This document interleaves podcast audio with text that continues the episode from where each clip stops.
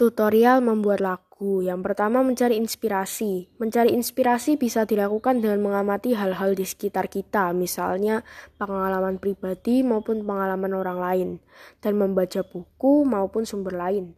Lalu kita menentukan genre musiknya.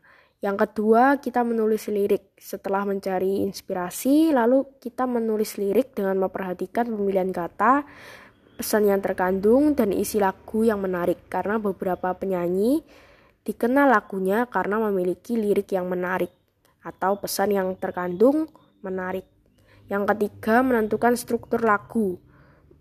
Menentukan struktur lagu dengan menentukan bridge, verse, chorus, dan, dan lain sebagainya hingga penutup lagu.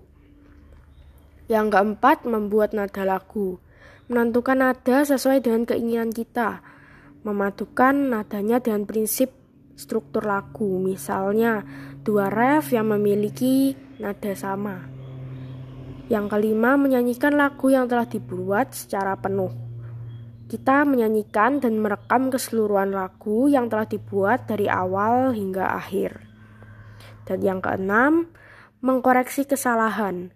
Kita mengevaluasi kesalahan bila ada dengan meminta bantuan orang lain untuk mengomentari lagu yang telah kita buat.